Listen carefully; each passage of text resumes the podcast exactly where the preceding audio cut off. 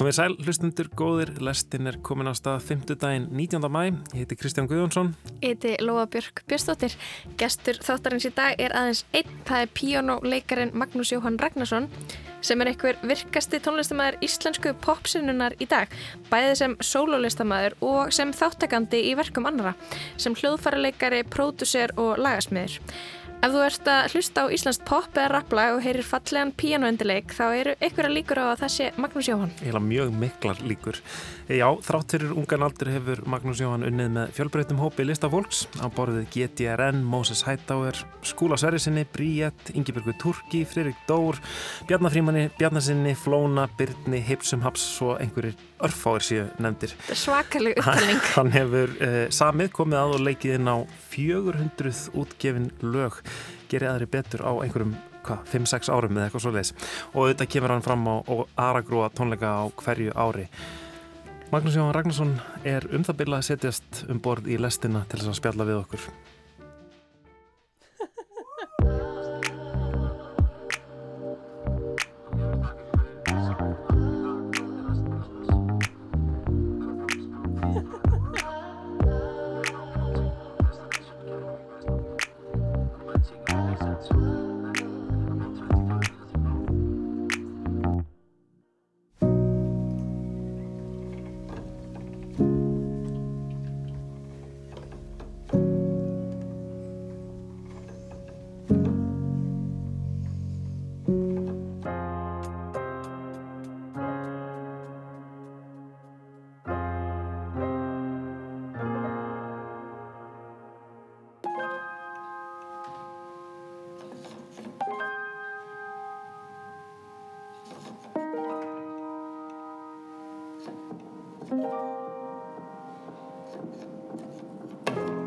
Fæ svo hrætt um kér og stafi komst næ Ég hugsa um þig og þetta og að taka tæn Fyrst á saman stað, baby,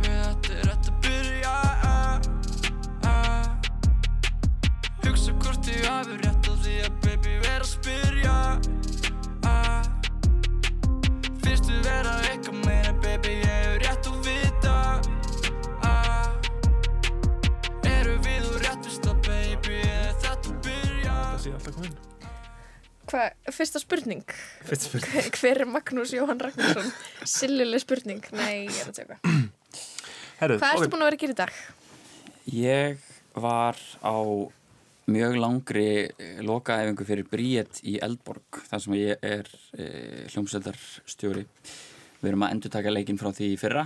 E, Bríett held e, útgáð tónleika fyrir Kveðja Bríett ári eftir að platan kom út, svona COVID-vesen en þetta eru einir metnar fylgstu tónleikar sem ég hef tekið þátt í sko, svona nýju metra törn á sviðinu og hljómsettin inn í einhverjum inn í törni og það er varpað einhverju á, á törnin og bríet sígur niður úr loftinu í einhverjum kjól og það eru dansar og gestir og, og alls konar, ég veit ekki hvað og hvað. Hvað, hvað gerir hérna hljómsveitar stjórin? E, það sem felst í því starfi er kannski, það er mjög misjant eftir verkefnum en ég púsla saman bandinu, ræð í hljómsveitina og hérna svo skipuleg ég æfingarnar, er í samskiptum við rosalega marga bara e, í þessu tilfelli Kitta Krassa sig sem er svona í hálfgjörðu leikstjórnar hlutverki að því það er að svo mörgu að huga í eh, á þessu giggi, þú veist, Bríett er að gera svo margt, það er búningaskipti og þetta er svona smá leiksýning í rauninni. Og hérna Og þitt hlutverka svona hljómsveitin. Já, þannig að ég púsla saman bandinu og ég er að útsetja alla tónlistina það, sem þýðir meðal annars að ég þarf að sapna allir í tónlistinni eða öllum stemmum eða rásum. Þannig að ég á svona núorðið eh, veglegt sapna af hérna, katalóg íslenskra tónlistar með þar að segja bara, þú veist, bassin er hérna og gítarinn er hérna og trómunar er hérna og svo framvegis. Þannig ég get aðskilið allt saman og búið til hérna einhvers konar útsetningar af því að svo mikið af tónlistin í dag er náttúrulega kannski bara fullt af gítartökum og fullt af píanotökum og svo frams og framvegis. Og svo ertu kannski ekki með hundra manna hljómsveit til að spila þetta. Þannig að það sem ég þarf stundum að gera er að útsetja bara ok, ég ætla að taka út gítarinn, ég ætla að taka út bassan og við ætlum að spila það með alvöru hljóðfærum, ég ætla að taka út trommunar en ég ætla að hafa hérna þetta hérna tölvuhljóð sem er búið að nostra við, það verður á playbackinu eða þessa hérna bakgröð af því að það er ekki bakgröðir á þessum tónleikum og, og alls konar svona pælingar sem að mm. Eru vægast sagt tímafrekar hérna fyrir fram á tölvuna og að fá sendar á sér og, og krukka í tölvunni og tala nú um að veist, þetta er bara svona tæknilega hliðin á þessu bara að púsla saman hver gerir hvað og hvað er á kemur úr tölfunni og hvað er kannski bara alfarið flutt live eins og í tilfelli bríetar þá eru við ekkert með neitt tölvustöf í gangi þegar við spilum Rólegu Kúriki eða Esjuna en það er samt að kannski pæla eins í því hvernig við ætlum að spila þessa músik með þessari hljómsveit En hérna, sko, nú er einmitt mjög mikið af, af poptónlist í dag og tónlistin sem þú, þú ert að vinna í þú veist, bara unnin að rosalega miklu leiti í tölvu og mhm. einmitt tekin upp þannig einhvern veginn bara einhver algjörbútarsaumur Um, af hverju að vera að spila þetta live? Er eitthvað, er eitthvað hérna, gildi í því? Virkilega góð spurning.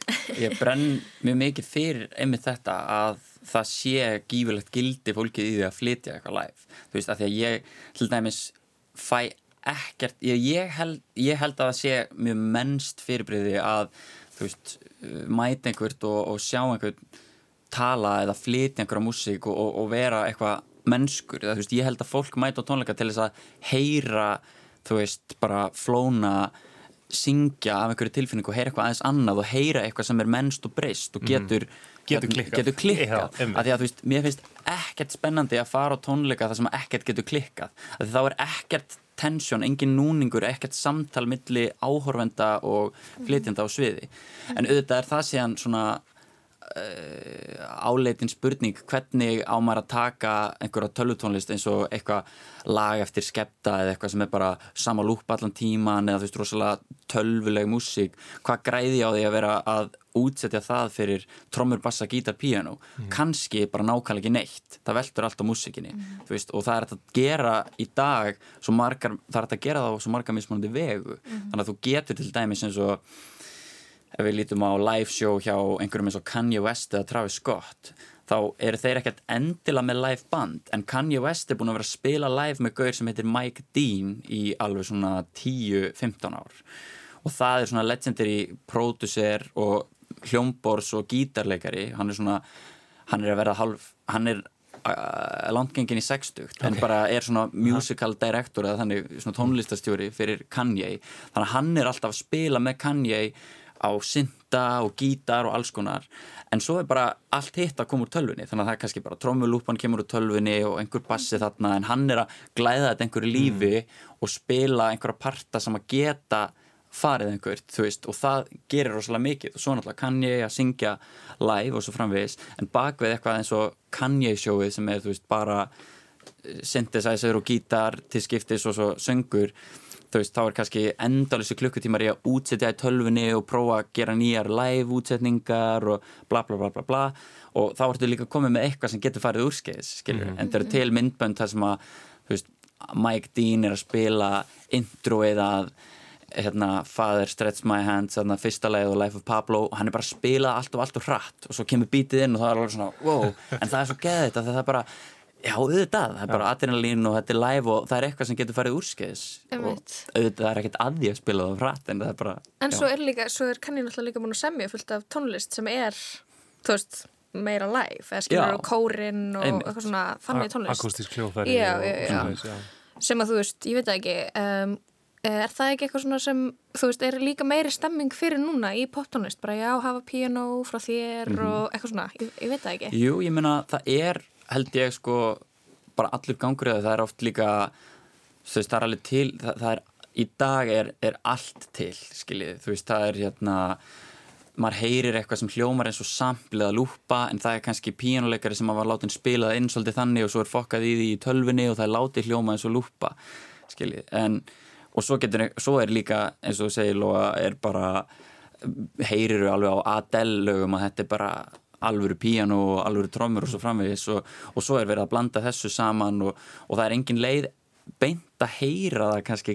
hvað er alvöru, alvöru innan gæsalappa og hvað ekki. Að það skiptir kannski ekki endilega allir máli nema fyrir fólki sem er í þessu ferlið að gera músíkina skilur, Einmitt. þetta er svona ástæðan fyrir því að ég kýsa eiga fullt á gömlum hljómborðum og synthesizerum og eitthvað er að því að ég fíla að fykta einhverjum tökkum og vera með eitthvað dót sem er með vesen og surgar og, og gefur mér eitthvað versus einhver sem að vinnur miklu meir í tölvu og þólir ekki eitthvað svona gamalt sem klikkar mhm. ekki, þú veist það er bara svona mismunandi ferlar sem að kannski geta af sér nokkur neginn sömu niðurstöðu en svo er þetta bara mismunandi smekkur líka, skilur mm. þú veist, að því að svo er spilar alveg kann ég stundum með hljómsveit mm. þú veist, það er til dæmis mjög frægur bandarískur hérna svona hljómsveitarstjóri sem heitir Adam Blackstone sem er bara gaurinn með stóru G sem bara útsettur allt hann gerði Super Bowl núna með Dr. Dre og Co, þú veist, það er hann á bassanum og hann er í JT bandið Beyoncé og bara, þú veist, þetta er allt svona mm. sama klíka, skilur og hann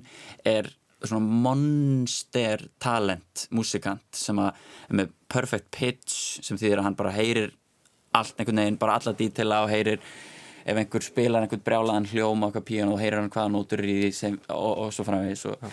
og þar er hann ofta að útsetja Beyoncé lög fyrir kannski hljómsett sem eru, þú veist, tveir hljómbúrsleikarar og þrýr gítarleikarar og bakrættir og risaband og bara búa til ekkurs konar uh, tólkun eða mm adaptation á Beyoncé katalógnum skilur og þá mm. þarf hann að hafa svo brjálæðislega mikla þekkingu og yfirsýn að hann þarf að skilja út og, og sko fatta alla þessa músík skilja, hann þarf að fatta allt frá Lemonade yfir í Destiny's Child og fatta bara hver er fagurfræðin bak við Destiny's Child, hver er fagurfræðin sem er í gangi á Lemonade og með mismundi lagahöfunda og lalalala og þú þarfst að gera þessu öllu góð skil og tólka þetta inn í einhverju hljómsveit sem þú ert búin að ráða og þá notur þú kannski tölvu að einhverju leiti og þá þýðir hann þarf að eiga allar þessar rásir eins og ég var að tellja upp á þann mm. og svo kannski alls ekki og en En hérna... Það hlýtur að vera bara ótrúlega tíma fyrir ekki vinna en þú veist, þetta er fyrir þess að bríða tónleika þú veintilega að gera þetta í fyrra og eða ekki fyrir tónleikana? Jú, ég mest svona En mest... þú ert ekki með svona prigg núna á tónleikunum þegar þið verið að spila? Ég er ekki með prigg okay. en ég, en ég...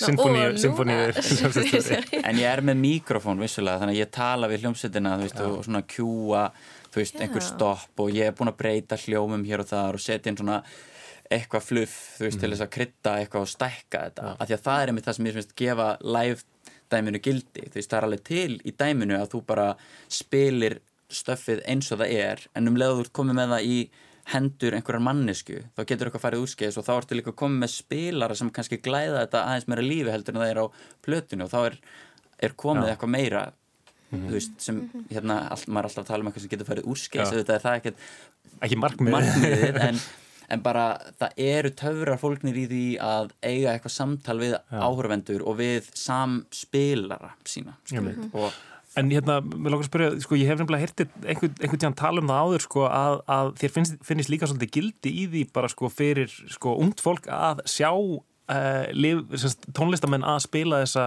tónlist á hljóðfæri, bara poptónlist í dag. Ég meina að því að alltaf mikið af poptónlist og, og poptónlingum eru einmitt uh, einn rappari á sviðinu með, með hérna, iPhone-in sinn tengdan sko. En, en að sjá fólk vera að spila þetta á, á hljóðfæri eins og piano mm. eða, eða gítar eða eitthvað sem það er síðan að æfa á í tónlistaskólanum eða eitthvað. Það, það skiptir bara öllumáli held ég, veist, að vera með, vera með fyrirmyndir hérna fyrir krakka í, í tónlist og hérna og ég held að það skiptir mjög mjög mjög máli að sjá bara svona að því að maður fattar ekkert endilega hérna, afhverjætt einhver sem er kannski bara að læra á piano eða jafnvel sem er ekkert inn í tónlistan á mig að, að vera búin að fatta að hlusta á uh, flónalag eða bríðalag og heyra byrju, já þetta er piano, þetta er fiðla, þetta er da, da, da, stundum þarf maður bara þetta sjónræna að sjá bara, já, byrju það er hérna píano og þá kannski lustar á blötuna og, og, og, og ert að summa inn með eironum á þetta og heyra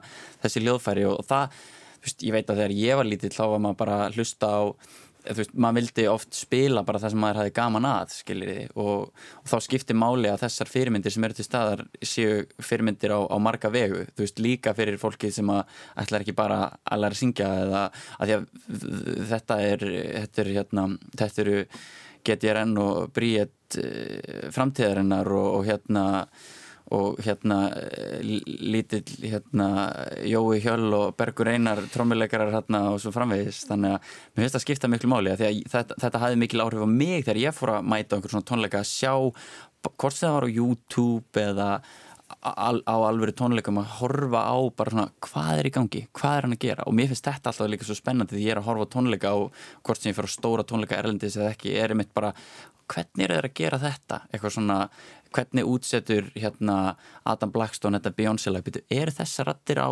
playback eða er þetta mm. spilað eitthvað, mm. byrju já það er hljóta að vera spilað þetta, að því að það klikkað eitthvað. Þú veist það er oft eiginlega skemmtilegast að heyra bara ah, svolítið falskur, þetta er, þetta er live. Þú veist, þá, þá heyrum að, að því að þá já. sumir eru náttúrulega líka bara svo geggjaðir flytjandur, bara geðveikir söngvarar og eitthvað að það bara, maður er stundum ekki viss að þetta er svo líkt mm -hmm. hljómblötunni og svo mhm. framvegis. Já, þetta er alveg mjög breytt, ég menna þú veist, eða bara eitthvað fyrir 10 árum, nei, meirinn 10 árum, fyrir 15 árum, þú veist, þá var veginn, maður svona aðdöðandi eitthvað hljómsvita, maður fóru Rettur Steffsson tónleika og mm -hmm. FM Belfast tónleika og þú veist, og sá einhvern veginn, þú veist, og þá var... FM Belfast reyndar með allt á playbacki. Já, en það var eitthvað veist, að þó að þú veist kannski unnstætt væri aðal í Rett Stafsson mm -hmm. þá varst eitthvað að ah, trommuleikarin mm -hmm. og þessi já, skilur já. en, en og, og urðarlega líka eitthvað stjörnur en nú erst þú náttúrulega líka þú veist ofta að spila með en mm -hmm. þú veist finnst þú að fá að hafa eitthvað svona nafn heldur að fólk fætti að þetta er Magnús Jóhann á píanónu þegar þú ert kannski í eiginlega öllum hljómsundum á Íslandi þegar popparar koma fram Það er góð spurning, ég held Einhverju eru kannski búin að fatta Það eru kannski einhverju sem eru að pæla í þessu sem að hafa tekið eftir því en það er náttúrulega, ég veit ekki þú veist, sömur tala um að segja meiri skurðgóðadýrkun í dag heldur en var, ég veit ekki hvort að segja Ég held að sé alveg smá satt. Þú veist, en uh, að því letinu til finnst mér að bara næs að geta verið bak við tjöldin, þú veist, ég öfunda ekki svona þessa vinni mína sem, ekki, sem get ekki farið í bónus eða í sundi eða eitthvað án þess að sé bara all, öll augun á þeim alltaf, ég, mér finnst það ekki þau gerir ekki öfundsverð staða beint sko, en auðvitað eh, hérna liðkar það fyrir manni líka hérna að vera eitthvað þekktur fyrir það sem maður vil vera þekktur fyrir mm -hmm. en svo hefur maður alltaf kannski ekki alltaf stjórnaði hvað það er sem maður er þekktur fyrir en að því að þú talaður um hérna hip-hopið og svona, myndi að því að þetta er svona, þetta er það sem ég er búin að vera hérna agitera fyrir, svo mikið er einmitt að, að, að segja, þú veist, jú það er hægt að spila það sem þú myndir kannski halda að væri bara alveg tölvu stöf live og glæða einhverju aðeins meira lífi heldur en bara syngja það, skiljur. Það þarf ekki að vera endilega alltaf þannig og það þarf ekki að þýða að það sé eitthvað betra mm -hmm. það þýðir bara að sé eitthvað annað mm -hmm. en þú getur gert þessari músík mjög góð skil með því að tólka það eins og til dæmis þessi tjeði Mike Dean með Kanye West og Travis Scott hérna það glæðir performansa Kanye í mjög miklu lífi og svo þú veist það er kannski búið að vera hann er að spila Runaway og þá spilar hérna Mike Dean pianónóturnar og svo spilar hann syntabassan og hann er meira lifandi og vildur og grottarlegur og falskur og svo kláraði lægið og trommunar hætta og þá heyrir og það er bara syntastöffið frá Mike Dean og svo kann ég að syngja gegnum autotune og það er bara ég dyrka þannig mm -hmm. moment og við reynum svolítið að, að fyrst við erum að tala um bríetatónleikana, við erum með fullt af svona momentum þar sem að við klárum einhver lög og svo kom einhverju kaplar sem við tegjum hlutina og þeir eru opnir og, og, og alls konar og svo, svo er þetta bara líka það að það er ekkert eitt sem gengur yfir alla, þú veist, eins og ég er búin að vera svo heppin að fá að útsetja og búa til svona sjó fyrir allt frá Bríðit yfir í Herran Hettusmjör, yfir í Aron Kahn eða Flóna og, og maður er með mismunandi útgáður fyrir allt þetta fólk, þú veist. Eins og með Flóna erum við pínu að elda þess að kann ég fyrirmynd, ég og Arnar Ingi erum svona á á tveimur synda stationum og erum búin að útsitja og tegja og breyta einhverjum köplum og alls konar. Mm. og okkur þykir það glæða tónlist flóna einhverju lífi. Og svo með herran netusmjöru erum við með trommur og gítar skiljiði mm -hmm. og svo getur við verið með eitthvað eins og vög sem er svona pínu hybrid það sem að bergur trommari spilar á svona raf trommusett og live trommusett. Þótt að sé ekkert endilega bara live trommusett á plötunni og svo framvis og mm -hmm en ég er örgulega búin að tapa öllum hlustendum núna sko.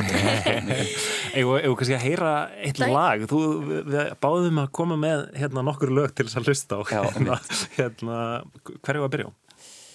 Akkurat, sko uh, þetta var náttúrulega mjög hérna, uh, flókið og mikið verkefni uh, að mér fannst að velja svona einhverju lög sem er að vera einhvers konar kjörnur en Uh, fyrst að við erum fyrst ég er búin að tala svona mikið um uh, Mike Dean og Kanye West og eitthvað þá kannski gæti maður Já, ég veit ekki, ég, þú veist, svona Kanye hefur náttúrulega haft mjög mikið láhrif á mig sem svona pródúsör og lagahöfund og bara svona listamæður þyrti maður ekki að velja kannski bara eitt Kanye lag Jú. Eitthvað svona uppáhalds. eitthvað uppáld Ég náttúrulega myndist á Runaway áðan þannig að það er að eina sem kennst að ég hefstum á mig núna. Já. Annars stórkastlegt lag. Það er frábært lag. En það er reyndar held ég sko það er náttúrulega alltaf miljón lagahöndar en ég held að Jeff Basker sé aðalsbreytan baku það eh, ásamt Kanye og fleirum en, en jú, ef ekki bara að hérna henda í Runaway, það er náttúrulega legendary trommusampl, svona Kanye snild af einhverjum vinil og svona náttúrulega ódöðlegar piano byrjunanótur og einhver svona eh, djúb, eh, melankólískur eh, hljómagangur að einhverju leiti en samt svona já, ég veit ekki. Þú gætir alveg verið að lýsa ykkur lagi eftir þig. já, Eitthvað kannski. pí melankólísk píanobyrjun já, og... akkurat. En samt, og þú veist, geðu ykkur trommur geðu ykkur svona múk, synthesizer, bassi bara, þetta eru allt element sem að er einhvers konar kjörtun á mér líka þannig að þetta er kannski ágætt lagaval bara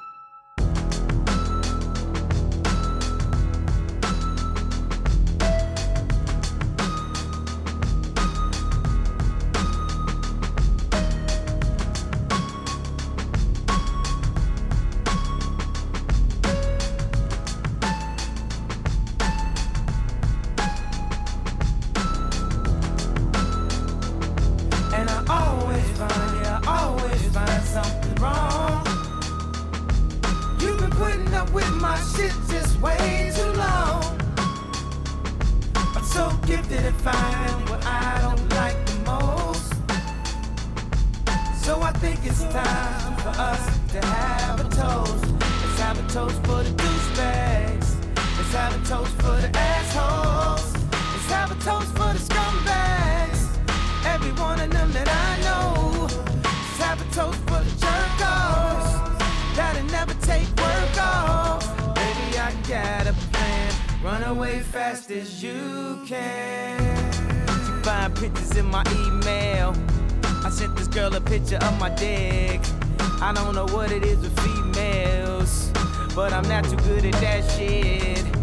I can have me a good girl and still be addicted to them hood rats. And I just blame everything on you. At least you know that's what I'm good at. And I always find, yeah, I always find, yeah, I always find something wrong. You've been putting up with my shit just way too long. I'm so gifted at finding what I don't like the most. So I think it's time for us to have a toast. Let's have a toast for the douchebags. Let's have a toast for the assholes. Let's have a toast for the scumbags. Every one of them that I know. Let's have a toast for the jerk offs. That'll never take work off. Baby, I got a plan. Run away fast as you can. Run away from me, baby. Run away from me, baby. Run away, let me get crazy. Just run away, hit the long. Run away as fast as you can. Run away from me, baby. Run away, run away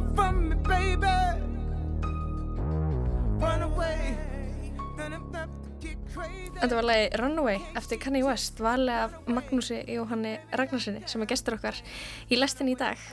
Uh, geggja lag og bara hefur verið þér mikill innblástur að Já, klárlega. Ég, hérna, svona eins og ég var að gasa um áðan þá er kann ég mikil fyrir mynd og, og svona hvað ansi margt varðar en ég reyndar var svona að velta þessu öllu fyrir mér um daginn sko, hverjar væri mjög tíu uppáhaldsplötur allra tíma.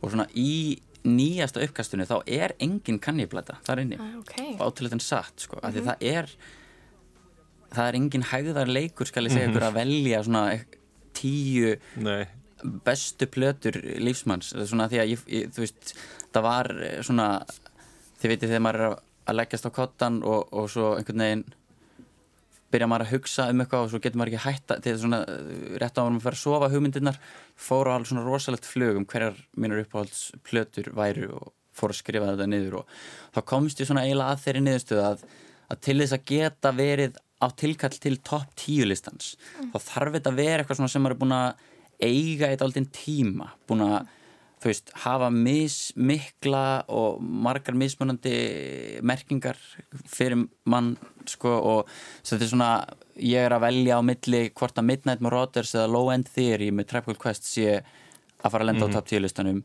og ég byrja að hlusta á Midnight Marauders og ég fæ bara svona instant gæsahúð og ég þekki öll lögin og ég kann alla textana og það er einhvern veginn svona en ég þekki bara, þú veist, ég hef ekki hlustað mikið á Low End Theory og það gerir bara það að verkum að það er Midnight Marauders og svo bara svona þegar maður fyrir að skissa þetta upp þá er ansi fljótt sko komnar ofbáslega margar plötur sem hafa haft rosalega mikil áhrif á mann. Mm. en þetta þarf að vera svona eh, ég kann eiginlega ekki að orða það nú vel en bara svona þetta þarf að vera bara svona eitthvað sem að breytið í hvernig maður hlustar og eða þú veist hafði þú veist, eitthvað sem maður hefur alveg gjör mög hlustað á, hefur kannski þú veist, einhvers konar tilfinningalegt gildi og svona, og hefur breytt manni sem lagahöfundi mm. eða ég veit ekki en, en hérna, Magnús, maður spyrja hérna, þú ert hvað, 25 ára? Já, Já hérna, Þannig að þú elst í rauninu upp veist, með bara tónlist á netinu í rauninni streyminsveitum nánast og, og hérna, öllu, öllu þessu veist, er, er, en þú ert að gefa út til dæmis þína soloplötur eru koma út í breyðskífu formi veist, er, er platan skiptir hún einhverjum máli bara sem koncept en þá í dag, svona eins og fyrir þig?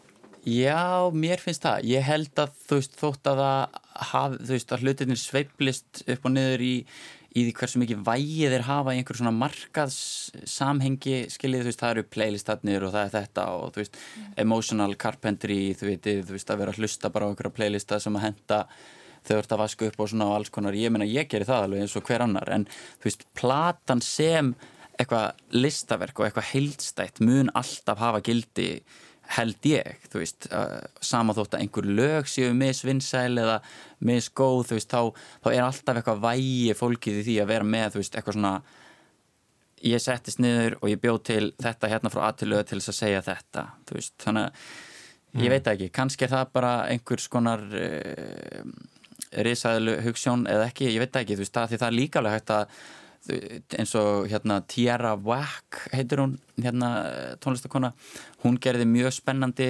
plötu fyrir nokkrum árum sem var allt eitthvað svona mínútu lög öll, öll nákvæmlega ein mínútu já, eða þrjá, eitthvað bara mjög cool koncept og svona fittar alveg inn í þetta en hann hraða nútíma okkar og svo framvegis en enga síður plata mm. og eitthvað heildstætt mhm. verk mm. veist, og það er það sem höðar til mín þótt að ég sé auðvitað ekkert alltaf í einhverju brjáliðu plötu stuði þá svona er þetta það sem hefur haft mm.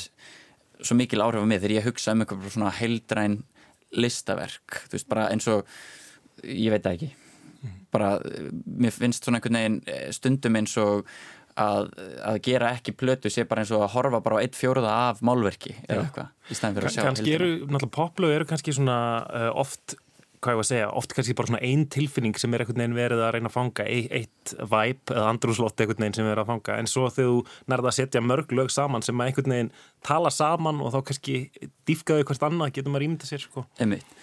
Já, ég geti jafnvel nýtt þetta sem segvi inn í hérna, það sem startaði svona, þessum vangaveltum mínum um uppáhaldsplötunar er rauninni að ég bara ég byrjaði að hlusta enn eina ferðina á eina al uppáhald, jafnvel topp þrýr plötu lífsmýns og það er A-Sync með Ryuichi Sakamoto frá 2017 og Sakamoto eins og Kanye er hérna svona uh, merkjaður uh, listamæður á marga vegu, hann hefur svona verið uh, sam svona uh, tvínaður uh, popkultúr þú veist í langan tíma og hann er hluti af fjöllista hópnum Dumptype og er að fást við allt frá uh, kvikmyndatónlist yfir í algjört avantgard og hérna sound installations og, og, og alls konar. En upphæðans er session maður í Japan sem hljómborðsleikari og svo stopnar hann hérna Yellow Magic Orchestra eða YMO sem er hérna sigga hlöðlægið hérna, það var groundbreaking hérna, synthesizera ráftónlist á sínum tíma það og kraftverk er svona og fleiri auðvitað en eru svona þeir sem að búa til þessa músík í rauninni eh, hérna en af hverju byrjaði aftur að tala um Async og þessa plötu þá fórst að reyna já, bara, og, og sko og, og, svo plata er svo mikið heildrænt listaverk Mhm. þótt hún sé, þótt hún fari í rauninum viðan völl, þá er, þú veist, til dæmis samhengið á li, e, samhengi sko plötunar og listamannsins og aðstæðarnar sem að platan er gerð í gjör breyta upplifun á plötunni en Sakamoto greindist með krabba minn í hálsi um þetta leiti sem hann er að vinna að þessari plötu og stendur einhvern veginn andspænis eh, þeim raunveruleika og, og er að kanna bara svona, þú veist ég veit ekki, mér finnst bara svona alls konar hluti eh, sko svona tímaleysi og svona spennandi hluti músikals sem að ég hafði uppliðið fyrst þegar ég heyrði þessa plötu, þú veist, maður er bara svona heyra svona einhvers konar uh, kulminasjón af, þú veist, svona alls konar stöffi sem ég fíla eins og syndum og, og píanói og einhverjum kóralbakk áhrifum og orgelum en líka bara svona hljóðupptökum út í skógi og einhverju traditional japansku og svo er hann kannski að blanda þessu öllu saman þú veist, án þess að það verði einhver súpa. Þannig að eins og til dæmis eh, annað lægið sem að ég, ég gæti valið hérna fyrir ykkur er lægið hérna Súri af þeirri plötu. Það svona semi bara fokkaði mér upp sko. Þú veist bara að því að þetta er bara svona sami hljómur á svona spikaðan synthesizer bara endalaust bara aftur og aftur lúpu nema hann gliðnar í sundur hægt og rólega og svo byrja að tínast inn svona alls konar element eitthvað svona þrusk í skógi og hljóðu upptaka af píanói sem skemmtist í hérna flóðbylgjónum eftir hérna e, kjarnorkuslissið í Japan Já, flóðbylgjan sem að hérna, olli því, já, já, akkurat, þú ert að hérna, blanda saman hljóðupptöku hans af svona píanói sem var eiginlega ónýtt og það kemur inn bara svona í algjörlega öðru tímabelti og bara svona kemur inn fyrst geðið furðulega og maður skilur ekki hvað er í gangi og svo bara öðlast allt einhvern veginn sjálfstætt líf í þessum óreglu eh, í þessari óreglu, það er allt bara á sínum stað en mynda samt einhverja heild og svona þetta koncept er að einhverju leiti gegnum gangandi á þessari plötu og, og ég veit ekki, þetta bara vekur upp eitthvað svona svakalegt eh, litróf tilfinninga bæði samengið og, og svo bara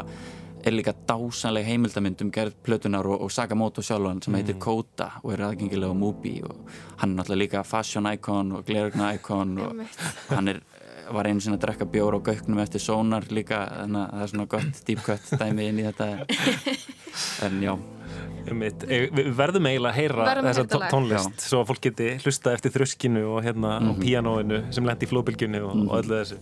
Þetta er Ryuichi Sakamoto.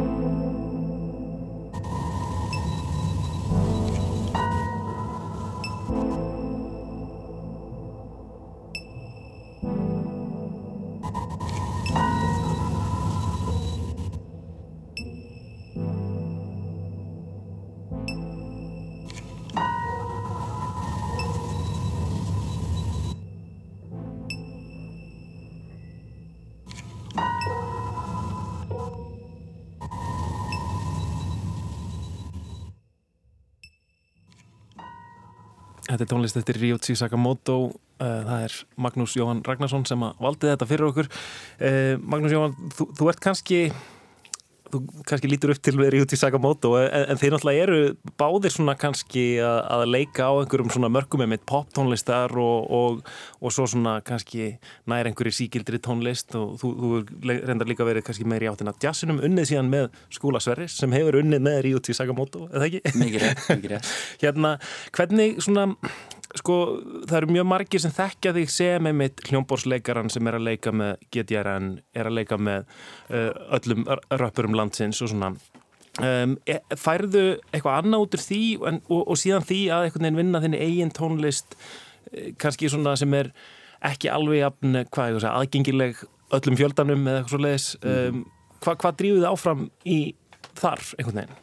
Um, Ég held að ég, ég færa svolítið mikið út úr því að spila með svona mörgu fólki og mismunandi tónlist mismunandi að taka þátt í svona þessari tónlistasköpun í víðu samhengi og ég er ósala þakkláttur fyrir það að fá að spila með þessu fólki sem er að semja, sem er uppi núna og er að semja tónlist og flytjana og fá að vera hluti af því saman hvort að maður er einhvers konar tónlistastjórn eða bara spila eða útsetja eða, eða semja með þeim lög og gera plötur, það er rosalega uh, ég er hérna gífurlega mikill forrættindapjessi þegar það kemur að því að því að það uh, gefur mér líka tækifæri til þess að svona Uh, leika mér með uh, kannski aðra liti og annað litur og feldur en ég myndi endilega nýta í mína músík, þú veist, það er kannski þetta svona nota þessa líkingu að þú veist að ég fæ að mála rosalega mikið með hérna rauðu þegar ég spila með hérna herran hetusmjör sem að ég kannski mála ekkert rosalega mikið með þegar ég er að semja tónlist fyrir mig eða eitthvað sem dæmi, þú veist, hvort sem það er þá eitthvað skonar trommubít eða hljóð úr einhverjum hljóðfærum eða eitthvað. En, en, en, en sko ég held að þetta haldist allt saman í hendur sko. Ótrúlegt, þótt ótrúlegt megi virðast þá svona einhvern veginn fær maður kannski hugmyndir úr því að vera að útsetja eitthvað fyrir eitthvað fáralegt samingi fyrir síðan einhverja tónlistamar semur fyrir kvikmynd sjálfur. En, en það verður alltaf verið svona stert í mér að bara uh, vilja einhvern veginn, ég, þú veist ég hef gerðnan sterkar skoðanir á hlutunum og rosalega frekur og þrjóskur svona eins og, og uh, pappi og Sola sýstir ef hann er að hlusta hérna. Færði eitthvað tíman að skipta þér að þú átt, átt að koma og bara, bara nú þú mæta og þú komast að spila piano og þú veist bara herri, ver, þú verður að breyta þessu og ert alltaf inn bara farin að semja lægið upp á nýtt. Ég held, ég held að, að, að það hafi kannski svona leitt til þessa stað sem ég er á í dag. -hmm. að ég var kannski ekki, ekki alveg setið á skoðunum mínum að svona fyrstum sinn. En auðvitað veit það er staður og stund auðvitað og maður verður að átta sig á í hvaða hlutur ekki maður er. En auðvitað að maður er í þeirri stöðu að vera kannski tónlistarstjóri eða eitthvað að þá má maður náttúrulega hafa skoðanir og, og hérna en, en auðvitað er engin eiland og, og, veist, og það sem ég er svo heppin að vinna með bæði þessum uh, hérna, fronturum eins og við uh, margnemdum uh, og svo líka öllu þessu hæfileikaríka tónlistafólki sem að spila með mér í öllum þessum hljómsettum mm -hmm. þú veist, bara eins og Bergur Trommari og Reynir Gítarleikari og Ingeborg Elsa og Bassa og hérna maður, þetta snýst líka um það að velja rétta fólkið Mm -hmm. uh, og svo náttúrulega bara sem dæmi er ég uh, náttúrulega ég er ekkert í neittni stjórnunastöðu í, í Moses Hightower þar sem ég spila ég er bara synthesizer og hérna Það er bara nótur eða? Nei, ja, okay. ég svona bara ég þessu stundum en maður bara læri lögin og hlustar á þau en ég spila á slagverk og synthesizer en, en auðvitað hefur maður einhverja skoðanir á því hvernig hlutinir eru gerðir en þeir eru bara rættir og svo bara tekin ákvörðin mm -hmm. og svo fræðis Hérna, sko, þú ert eh, hvað, klassíst mentaður eða hvernig svona tónlistanám ertu með? Ég er eh, búin að læra jazzpiano Já, einmitt. En þú, þú kemur úr þeim bakgrunni ég er svona veldið fyrir mig hvernig sko samtölin eru síðan kannski við þessa, þessa, þessa frontmenn eða, sko rapstjörnur eða popstjörnur sem kannski koma ekki endilega frá, frá svona eh, tónlistar skóla mm. bakgrunni eh, bara einhvern veginn samtölin ykkar á milli hvernig hérna get, getur það ekki verið flókið einhvern veginn að finna, finna, finna sammeilegt tungumál einhvern veginn? Jú, sko maður náttúrulega talar ekkert endilega mikið um tóntegundir eða einhverjar stórar sjöundir eða neitt svoleiðis við fólk sem er ekki að menta eða pæla í því. En það í rauninni skipta þeir hlutir faktist engumáli, þú veist, ef maður ætlar að einhvern veginn eh, hérna líta á þetta á okkur um svona ultra heimsbyggilegu nótum þá skiptir nákvæmlega ekkert máli nema bara hljóðið sem kemur úr hátalurunum eða eitthvað og það er tilfinningar sem það vekur upp saman hversu mikið þú getur reynd að koma þessum tilfinningum í einhver orð. Þú ert náttúrulega að nota þessi orð eins og eh, um, til þess að lýsa hljómferðlum eða litrofi í einhverjum sjöndum eða spennum til þess að tólka eh, einhverja tilfinningu eða eitthvað, eða eitthvað svona útsetningalegt og, og þetta nota maður eh, þetta tungumál, þessu svona tekni tungumál þegar maður er að tala við fólk sem að skilur það mm -hmm. og það getur flýtt fyrir og hjálpa til en Til skúli Sverris geti bara spjallaði með það Já, til dæmis. Uh, en það skiptir, ég þarf ekkert heldur en til að vera að hérna nota einhver stór orðið eða eitthvað til þess að, þú veist, flóni skilur alveg hvað ég er að meina ef ég bara, þú veist, vilt þetta sé svona eða hins egin og ég spila það eða, þú veist Mhm. fólk, uh, þú veist, á endanum endanum e þarfstu hvort er alltaf að heyra já, það, á endanum erum við alltaf að tala mm -hmm. sama tungumálið mm -hmm. sem er bara, vá, mikil klísja en hérna, við erum alltaf bara að tala sama tungumál sem er tónlist skiljiði, þannig að Mm -hmm. og maður getur spilað tónlist með fólki sem að eh, skil, talar bókstala ekki sama Já. tungumáli ekki ennsku eða íslensku eða neitt En er ekki poptónlist líka í dag bara sko, hún snýst kannski ekki droslega mikið um kannski hljómaganga, eða veist, hún, hún gerir það auðvitað kannski mm. á, á marganhátt í grunn hljómaganga og melodíur og svoleiðis en, en það er náttúrulega kannski bara einhvern veginn áferð og, og hljóðmynd og einhvern veginn, já, áferð hljóða er náttúrulega kannski hvað mikilvægast geti ímynda mér í poptónlist í dag uh, og það er kannski eitthvað sem er líka, ég veit ekki hva, hvaða tungumál not, fólk notar þar sko þegar það er að tala um áferð eða... Já, það er bara mjög misjamt eftir fólki hvað, hvað orð fólk notar til ég, og svo það getur oft verið erfitt að ég nota eitthvað orð til að lýsa einhverju áferð sem að Lói finnst uh, tólka eitthvað allt annað mm. og það mhm. geta auðvitað verið áreistar í því bara alveg eins og fólk sem er að lýsa því sem fyrir augu ber á einhverju á málverki eða eitthvað mm. hérna sem dæmi en mér finnst sko líka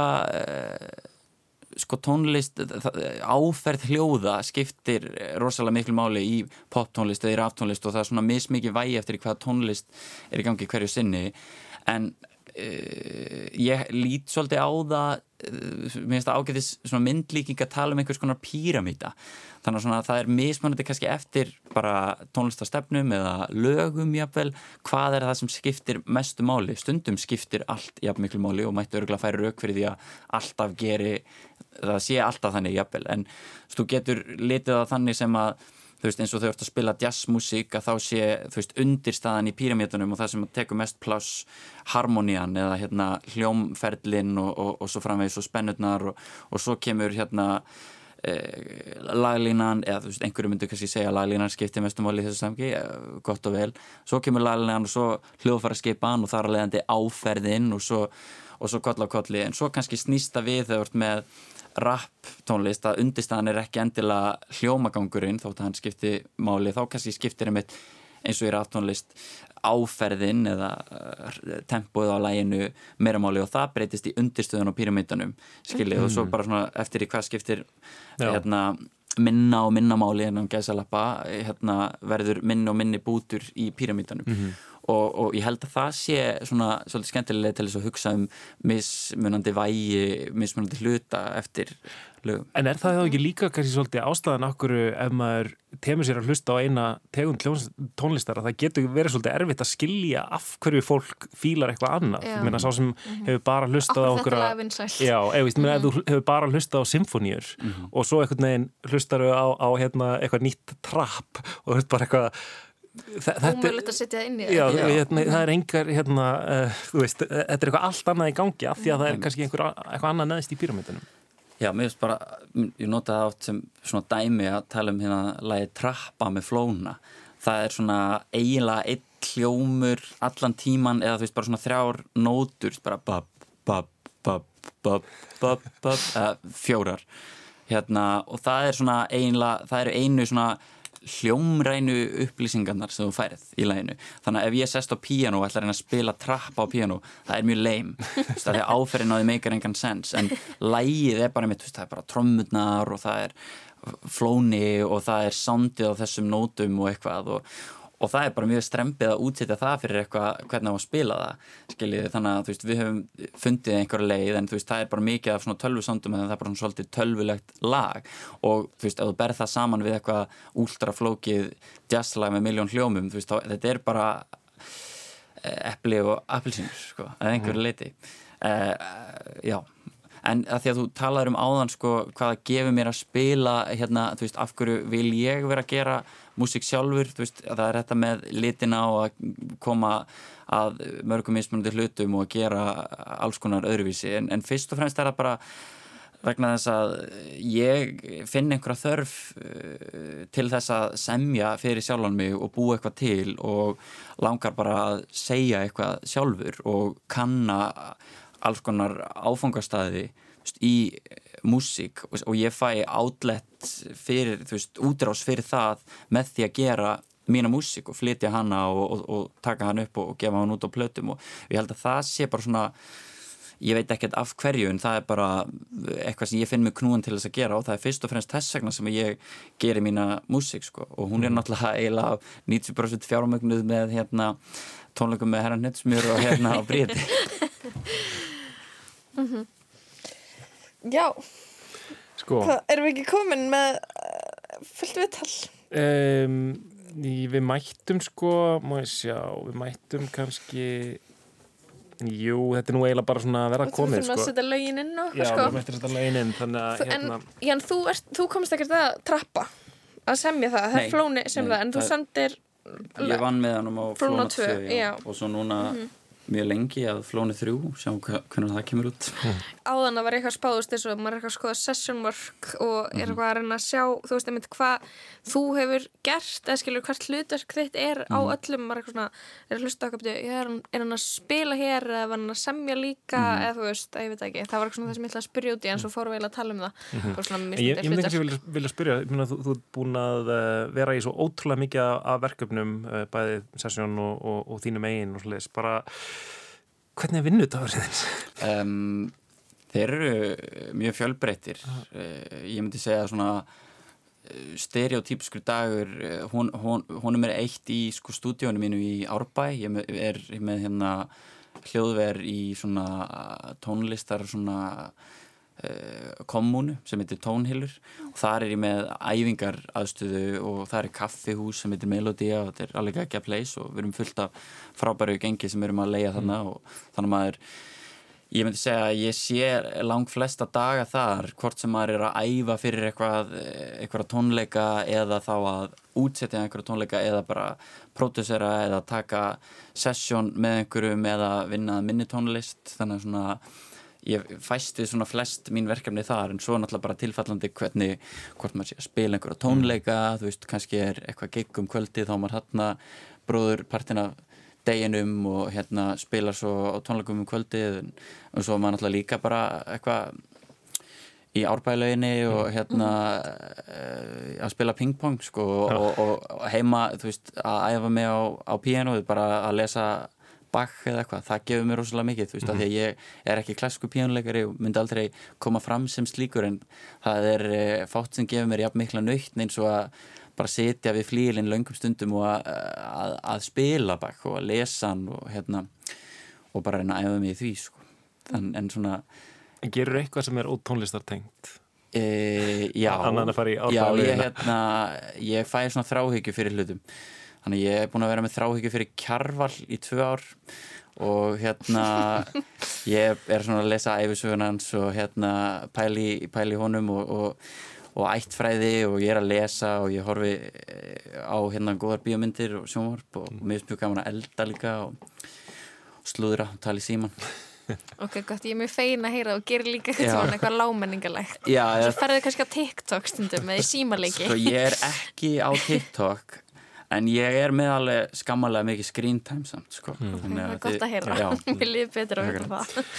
Uh, Magnús Jóhann uh, Ragnarsson um, eða endur það kannski á einhverju lægi velja eitt í viðbútt Já, kannski eitthvað eftir því e, Við gætum slútað þessu á hérna á uh, síðasta læginu á uh, nýjútgefinni plötu minni sem heitir Áls eða Uglur, það er kvikmyndatónlist sem ég hérna samti fyrir íslenska kvikmynd sem heitir já, Uglur, eftir Teit Magnússon, ekki hinn síðskækjaða en hérna það er svona skemmtileg blanda af svona úldra svona bólginni romantískri svona laglinu, þú veist svona einhvers konar óður til fyrsta pianokonsert Tchaikovsky en samt svona pínu ómstrít Stravinski söll í upphafi. Svona ef ég á að blanda saman einhverjum áhrifum við getum slúttaði á því. Við skulum gera það. Uh, Magnús Jóhann, takk alveg fyrir komin í lestina. Takk alveg fyrir mig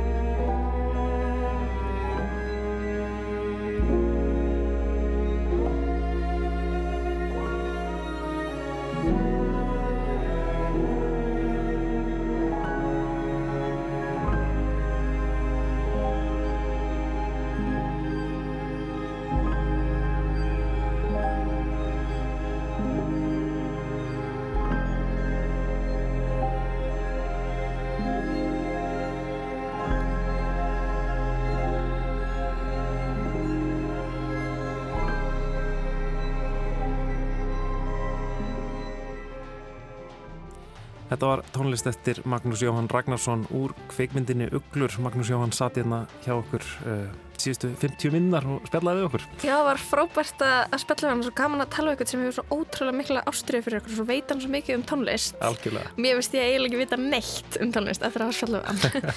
en veit meira núna. En þeir sem vilja fá meira af Magnús Jóhanni geta ferið á tónleika með hann á morgun. Það eru tónleikar í Hörpu klokkan 8 í Björnstuloftum. Það er alltaf hann að koma fram á samt Tuma Árnarsinni og uh, Magnúsi Tryggvarsinni Eliasson. Já, ég ætla að spila held ég aðalega tónlist af, já, svona jazz af, af hérna plötunni Without Listening sem er önnur breyðskífa uh, Magnúsar Jóhans. En um, lestin er komin uh, að leðalögum þennan fymtudaginn og þessa vikuna. Við verum hérna aftur á mánudaginn við kveðjum í byli Kristján og Lóa. Tæknum að í dag var Jökull Karlsson við þakkum húnum kærlega fyrir. Gott hljóð, já, verið sæl.